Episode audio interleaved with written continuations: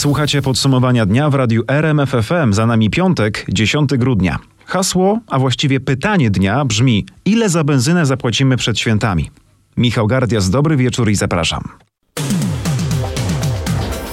Zaczynamy od pozytywnej informacji, bo paliwa nieco potaniały. Teraz średnia cena 95 wynosi 5,99. Tyle samo płaci się za olej napędowy. Jeśli chodzi o autogaz, tutaj też mamy zmiany o kilka groszy i na litr LPG trzeba wydać 3 zł i 37 groszy. To są wartości średnie. Według portalu epetrol.pl po weekendzie będzie jeszcze taniej, tak prognozuje dr Jakub Bogucki. Zmiany, jakie zachodzą na, na rynku międzynarodowym, trochę na początku tygodnia pozwalały wątpić w to, czy będą możliwe dalsze y, zmiany spadkowe na, na rynku krajowym. Natomiast y, końcówka tygodnia przynosi jednak y, spadkową zmianę związaną chociażby z obawami o zaraźliwość nowej mutacji koronawirusa, a także y, wzbudza obawy związane z problemami na chińskim rynku nieruchomości, które do tej pory były nieco w cieniu doniesień związanych z koronawirusem y, i pozwala tak naprawdę sądzić, że w najbliższych najbliższych dniach ceny na polskich stacjach ulegną dalszej spadkowej korekcie. Jeśli chodzi o prognozowane zmiany, mogą one y, wynosić mniej więcej y, kilka groszy na, na litrze dla wszystkich paliw. Czyli 95 i diesel może potanieć do poziomu 5 zł i 85 groszy. Oby tak się stało. Za dwa tygodnie święta, jak przed Wigilią mogą kształtować się ceny benzyny? Na czym w ogóle stacje zarabiają? Takie pytania padły podczas popołudniowej rozmowy w RMFFM. Gościem Marka Teichmana był Daniel Obajtek, prezes PKN Orlen. Posłuchajcie. 95 będzie kosztowała około 5,80. Trudno określić to co to grosza, bo to są pewne wahania cenowe, ale zgodnie y, z zapowiedzią rządu i zmniejszeniem danin do państwa, my to przełożymy poprzez rynek hurtowy, y, bo oczywiście to jest zaszyte w rynku hurtowym i oczywiście przełożymy to również na rynek detaliczny, ponieważ posiadamy stacje w całej Polsce i sądzę, że inne stacje konkurencyjne dostosują się, to są tak zwane mikrorynki, dostosują się do poziomu cen w naszym detalu. I kiedy będzie ten ruch widoczny, te, bo to jest 30 groszy starczy rządowej tak naprawdę. Y, Ten ruch będzie, panie redaktorze, widoczny, ale oczywiście te ruchy cały czas są widoczne, jak pan zobaczy. Spot y, zmienia się, leci do dołu, ropa również leci y, do dołu, u, dolar tanieje, więc te ruchy już są robione. Już na niektórych stacjach paliwo dochodzi do 5,99. Te ruchy codziennie e, trwają. Oczywiście 20 grudnia będzie ten podstawowy ruch w momencie, kiedy będzie obowiązywało zmniejszenie e, akcyzy i ten ruch będzie przełożony poprzez rynek hurtowy, poprzez detal na e, od razu. A ile klienta. wy zarabiacie teraz e, na litrze benzyny hurtowo, a ile zarabiacie na stacjach na samym Panie końcu? redaktorze, to jest kilka marsz, to jest kilka zmiennych. To jest po pierwsze generalnie marża rafineryjna, marża hurtowa, marża detaliczna. Mogę panu odpowiedzieć na to pytanie, że około w tej cenie jest zaszytych ponad 50% danin do państwa. Pozostała cena to jest koszt e, ropy i oczywiście te ceny się wahają, więc te marże są bardzo, bardzo niewielkie. Marża do marży i się uzbiera 2,9 miliarda złotych w trzecim Panie kwartale. Gratuluję zysku, pa- panie prezesie, ale Panie Polacy chcieli. redaktorze, panie redaktorze, jeżeli pan wgryzie się w te dane, to największy zysk mamy z przemysłu petrochemicznego i z energetycznego. zasadzie znaczy? O, w tym zakresie. To znaczy, że PKN Orlen to nie tylko paliwa. PKN Orlen to firma już multienergetyczna. PKN Orlen to cały pion e, petrochemiczny, gdzie te marże petrochemiczne są na przyzwoitym poziomie. Również to energetyka. Co, co to znaczy Natomiast petrochemia? jeżeli, To są, to są smary, oleje, czy to jest... Petrochemia tak, ale petrochemia to jest wszystko. Petrochemia to jest główny wkład do przemysłu meblowych, do przemysłu generalnie, do różnych tworzyw, które się stosuje w samochodach, które się stosuje e, w chemii. To różnego rodzaju kwestia surowców, polipropylenów, polietylenów, HDP-ów. To jest kwestia całego łańcucha tworzyć. W ogóle petrochemia tak naprawdę w każdej rozwiniętej gospodarce jest drugą gałęzią gospodarki. A jeżeli pan A e, redaktor, no, budownictwo, jeżeli pan redaktor, jeżeli pan redaktor zobaczy na marże, jakie są generalnie, na otoczenie makro, to dziś marże rafineryjne są najmniejsze w historii. W związku z tym tak naprawdę PKN Orlen to też wiele zależnych spółek, też spółki zagraniczne e, tak naprawdę i 60% przychodów mamy z rynków zagranicznych, 40% z rynku polskiego. Na samej benzynie byście nie zarabiali w Polsce? No, ale oczywiście na samej e, benzynie PKN Orlen i w ogóle miałby e, wielki problem się utrzymać. Cała rozmowa oczywiście na naszej stronie w sieci rmf24.pl. A jeśli mówimy już o pieniądzach, to coraz droższe są artykuły na sklepowych półkach, również przez drogie paliwa i transport. Co w waszych sklepach poszło najbardziej w górę? Kupowałem ryby, no to w porównaniu do zeszłego roku to jest przynajmniej 4-5 zł na kilogramie. Susz to też tak dużo więcej, ze 30%. Wszystko podrożało. Co podrożało najbardziej? Masło To jakie są ceny masła? około 7 zł za kostkę 200 gram. Zero promocji, cena bardzo wysoka. Nie ma takiego artykułu, który by nie podrożał. Drastycznie no to mięsa. Warzywa też podrożały. Usłyszał przed jednym z wrocławskich centrów handlowych nasz reporter Paweł Pyclik. Zmarło 571 osób. Mamy 24 991 nowych zakażeń koronawirusem. Takie informacje przekazało przed południem Ministerstwo Zdrowia. Na kwarantannie w całej Polsce przebywa ponad 700 tysięcy osób. Najwięcej infekcji wykryto znów na Śląsku, prawie 3700. Zmarło tam 51 osób z COVID-19. O sytuacji w regionie Marcin Buczek. W szpitalach regionu zakażeni koronawirusem zajmują już prawie 2,5 tysiąca łóżek. To blisko 80% wszystkich przygotowanych obecnie miejsc. Natomiast z nieco ponad 260 respiratorów wolne są 24. To oznacza z kolei, że te urządzenia zajęte są już w ponad 90%. Niezmiennie w ostatnim czasie prawie co trzeci wykonywany tu w regionie test jest dodatni. Na kwarantannie przebywa już ponad 88 tysięcy osób. A we wtorek zaczną się zapisy na szczepienia przeciw COVID-19 dzieci w wieku od 5 do 11 lat. Poinformował o tym minister zdrowia. W poniedziałek spodziewana jest pierwsza dostawa preparatu przeznaczonego właśnie dla najmłodszych. Będą przyjmowali mniejszą dawkę niż osoby powyżej 12 lat. Kiedy zaczną się same szczepienia? W czwartek 16 grudnia, więc niemal za tydzień, to o tyle istotne, że okres szczepienia dzieci może pokryć się z okresem zdalnej edukacji. Dzieci w wieku od 5 do 11 lat też bowiem przyjmują dwie dawki szczepionki w odstępie 21 dni. Jeśli więc rodzice zdecydują się szybko na zaszczepienie dziecka w pierwszym możliwym terminie, zaraz po 16 grudnia, to ta druga dawka wypadnie zanim dzieci wrócą do szkół po okresie edukacji zdalnej. Wrócą więc zabezpieczone. Zapisy będą oczywiście wyglądały w ten sam sposób, czy infolinia, czy właśnie przez internet będą tak samo dostępne dla dzieci. Oczywiście musi to robić opiekun i oczywiście przy szczepieniu też opiekun musi być obecny. Zapraszam, zachęcam, żeby jeszcze przed świętami e, taki prezent swoim dzieciom uczynić. Zachęca minister Niedzielski, a skierowania na szczepienia dla dzieci będą wystawiane już w najbliższą niedzielę i w poniedziałek. O czym informował nasz dziennikarz Mariusz Piekarski. Koniec śledztwa w sprawie zabójstwa prezydenta Gdańska Pawła Adamowicza. Blisko trzy lata po brutalnej zbrodni prokuratura skierowała do sądu akt oskarżenia przeciwko Stefanowi W. Kuba Kaługa wyjaśnia, o co oskarżony został Stefan W. O zabójstwo z zamiarem bezpośrednim w wyniku motywacji zasługującej na szczególne potępienie, a także o zmuszenie groźbą innej osoby do określonego zachowania.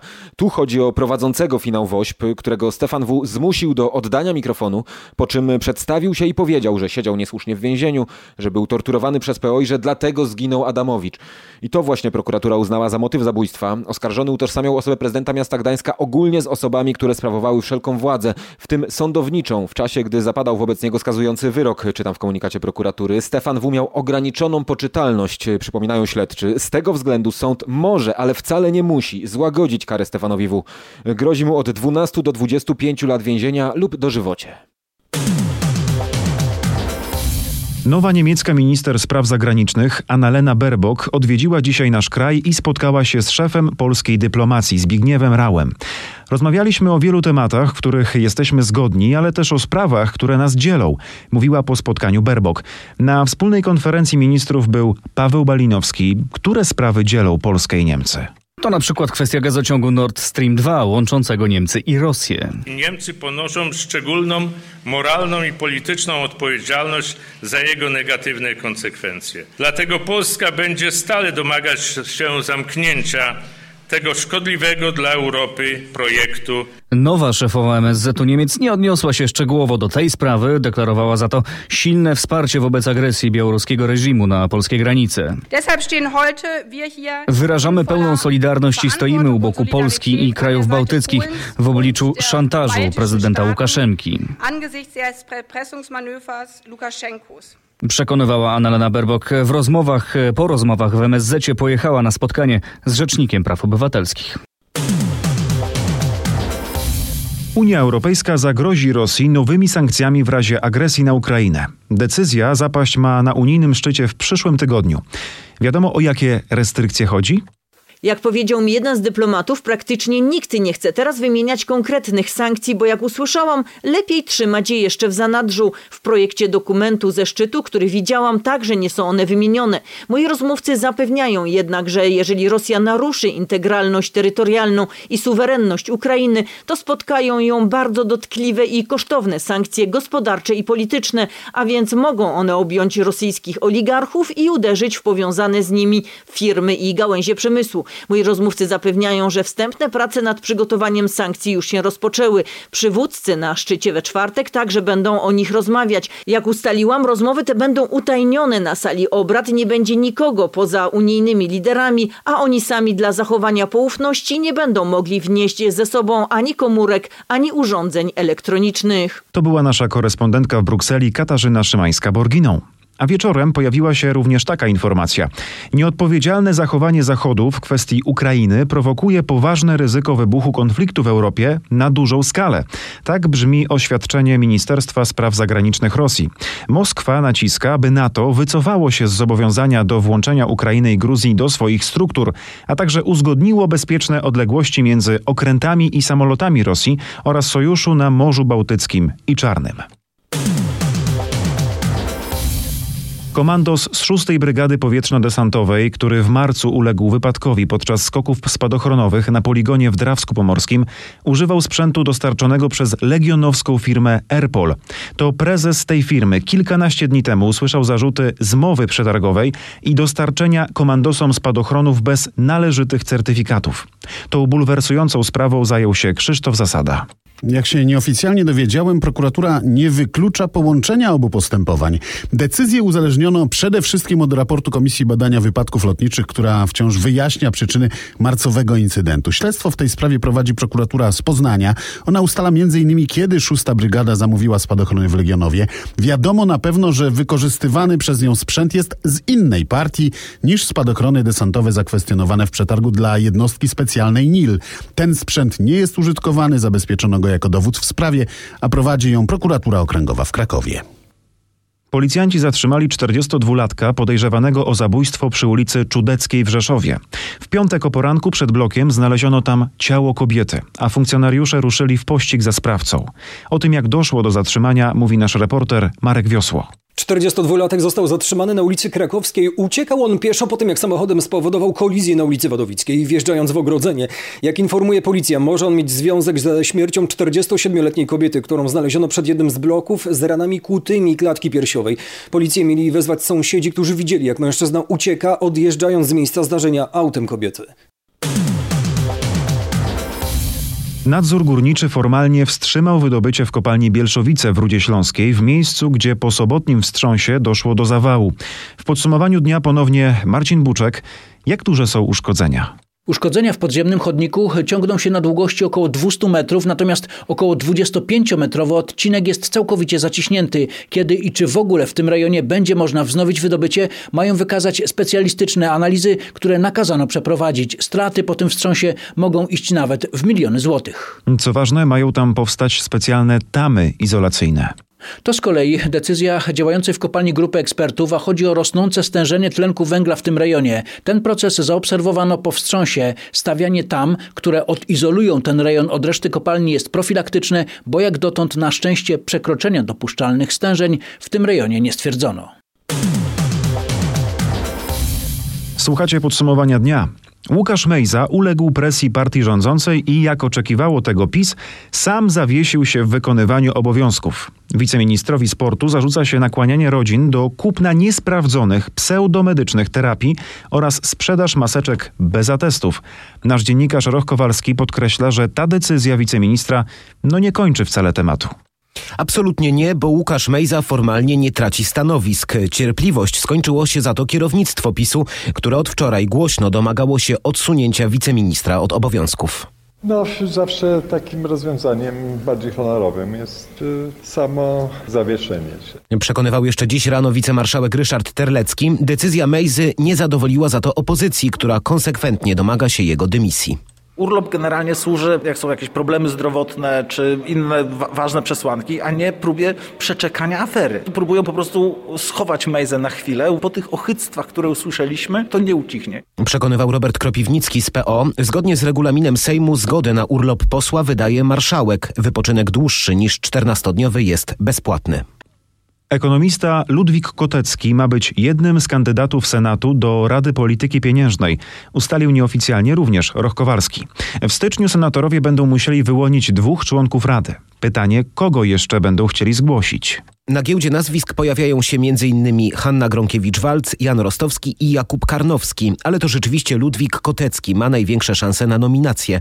Politycy PO jako jego atuty wymieniają m.in. wieloletnie doświadczenie w instytucjach finansowych, a od strony partyjnej bliskie kontakty z Donaldem Tuskiem. O wskazanie drugiego kandydata zabiega Lewica. Od kilku tygodni zresztą liderzy klubów i kół opozycyjnych uzgadniają konkretne nazwiska, by kandydaci od razu cieszyli się poparciem większości Izby. Termin na zgłaszanie kandydatów na członków Rady Polityki Pieniężnej upłynie przed świętami. Pandemia i inflacja spowodowały, że aż dwie trzecie Polaków kupi świąteczne prezenty w internecie. O podziale na grupy klientów mówi Przemysław Piętak z sondażowej firmy CBRE. Ze sklepów internetowych częściej korzystają kobiety niż mężczyźni, 81% kobiet, a mężczyzn jest to 71%. Z internetu jako głównego źródła świątecznych zakupów w większym stopniu niż w największych miastach korzystają również mieszkańcy wsi. A coraz popularniejsze są paczkomaty. Przed nami weekend cudów, czyli finał szlachetnej paczki. To oznacza, że paczki od darczyńców trafią do tysięcy potrzebujących rodzin. Moment y, obserwowania, kiedy ktoś dostaje te prezenty, i to często są tak naprawdę produkty codziennego użytku, jak szczoteczka do zębów, dodaje dużo do myślenia i jest bardzo wzruszający i przede wszystkim jest ogromną motywacją do tego, aby działać dalej podkreśla wolontariuszka szlachetnej paczki Natalia Daniło.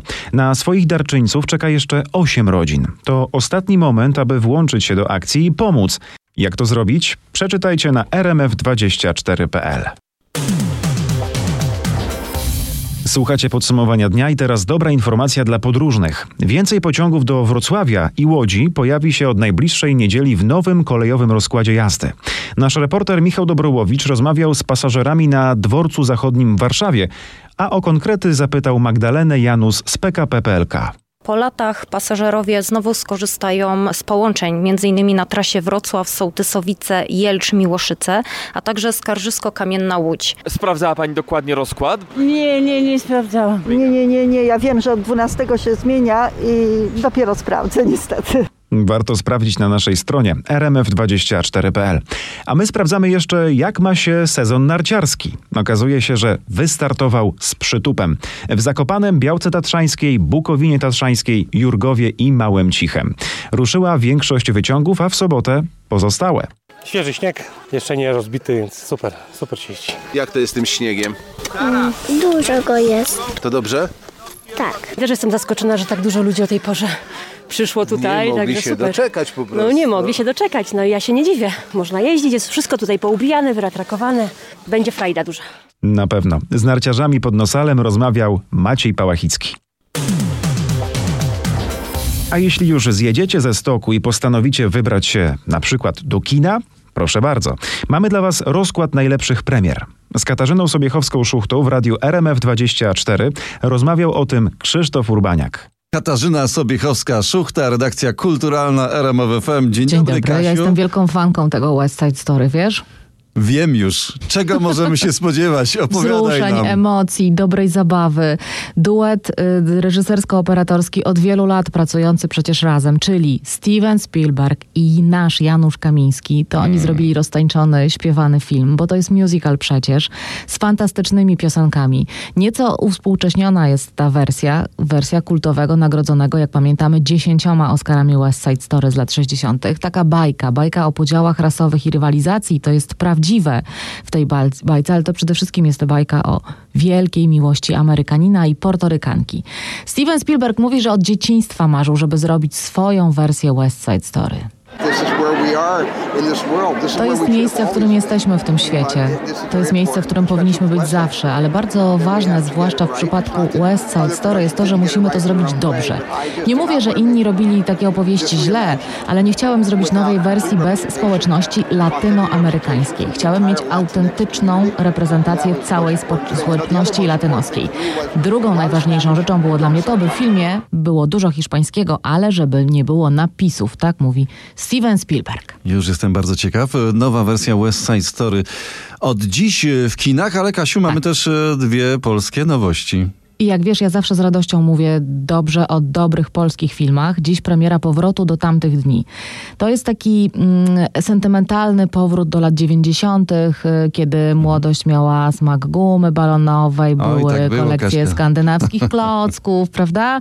A my, my, naszą wyobraźnię rozpalały takie kultowe filmy wtedy na taśmach VHS, które trzeba Mam było, jeszcze pamiętamy. wideo w domu, no w piwnicy. A pamiętasz, y, że płaciło się karę w wypożyczalni, jak się nie przewinęło do początku filmu? I tak, pamiętam, mi się ten przewijało, y, albo się wkładało jakiś taki patyk tam do środka, albo jakiś inny był sposób na to, żeby dowinąć. To czasami jak magnetofonowych, zapomniałaś, to ale tak. w samochodzie tam podwijałem, pamiętam. Tak, w każdym razie jak się nie przewinęło do początku, żeby następna osoba musiała to zrobić, no to wtedy się płaciło karę w wypożyczalni. Ale. Bo tam to się jest taśma miała, coś tam się Z jednej takiego. strony jest y, to historia o takim nostalgicznym powrocie, ale jest to też opowieść o dorastaniu w y, niełatwych okolicznościach. Mhm. Opowieść o dorastaniu w rodzinie, w której jedno z rodziców pije. A drugie próbuje po prostu za wszelką cenę te rodzice, tę rodzinę ocalić. Świetna jest Weronika Książkiewicz jako mama tej rodziny i Maciej Sztur jako pijący tata. I naprawdę powiem krótko, dobrze oglądać Macieja w tak świetnej, przejmującej roli. Wielkie brawa, świetna, wybitna powiedziałabym rola. A, jeszcze w takiej roli Macieja nie widzieliśmy.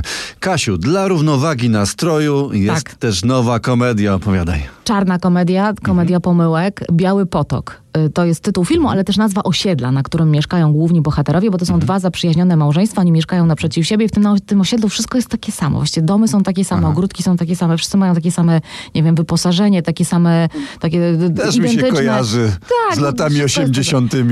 I oni, yy, i, i, i tam się coś zadzieje, o czym ja nie mogę opowiedzieć za bardzo. Powiem tylko, że jedną Mhm. Dobra. parę grają Julia Wyszyńska i Marcin Dorociński, to jest jedno małżeństwo, i drugie Mhm. małżeństwo Agnieszka Dulembakasza i Dobromir Dymecki. I oni się spotykają, ale coś się zadzieje takiego, że oni się w pewnym momencie pokłócą. A ten film to jest debiut reżyserski aktora Michała Grzybowskiego. Ja myślę, że widzowie będą mieli szansę zobaczyć e, siebie w tym filmie, bo to jest.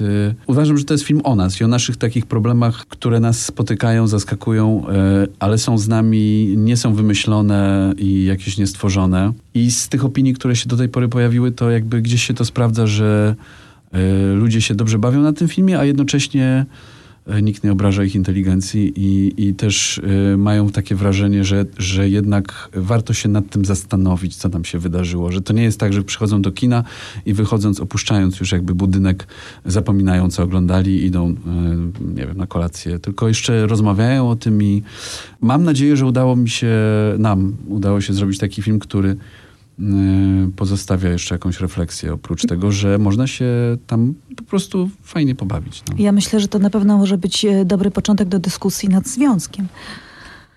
Tak to czuję, tak niektórzy tam opowiadali w kinie, zadawali takie pytania trudne.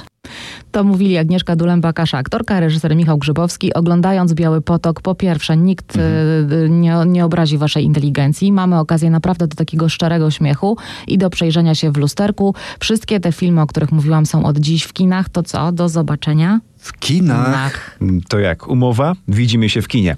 A jeśli się nie spotkamy, to już teraz życzę dobrego, bezpiecznego weekendu. No i tym właśnie kończymy. Michał Gardias bardzo dziękuję, a kolejne podsumowanie dnia już w poniedziałek. Przygotuje je Tomasz Weryński. Dobrej nocy.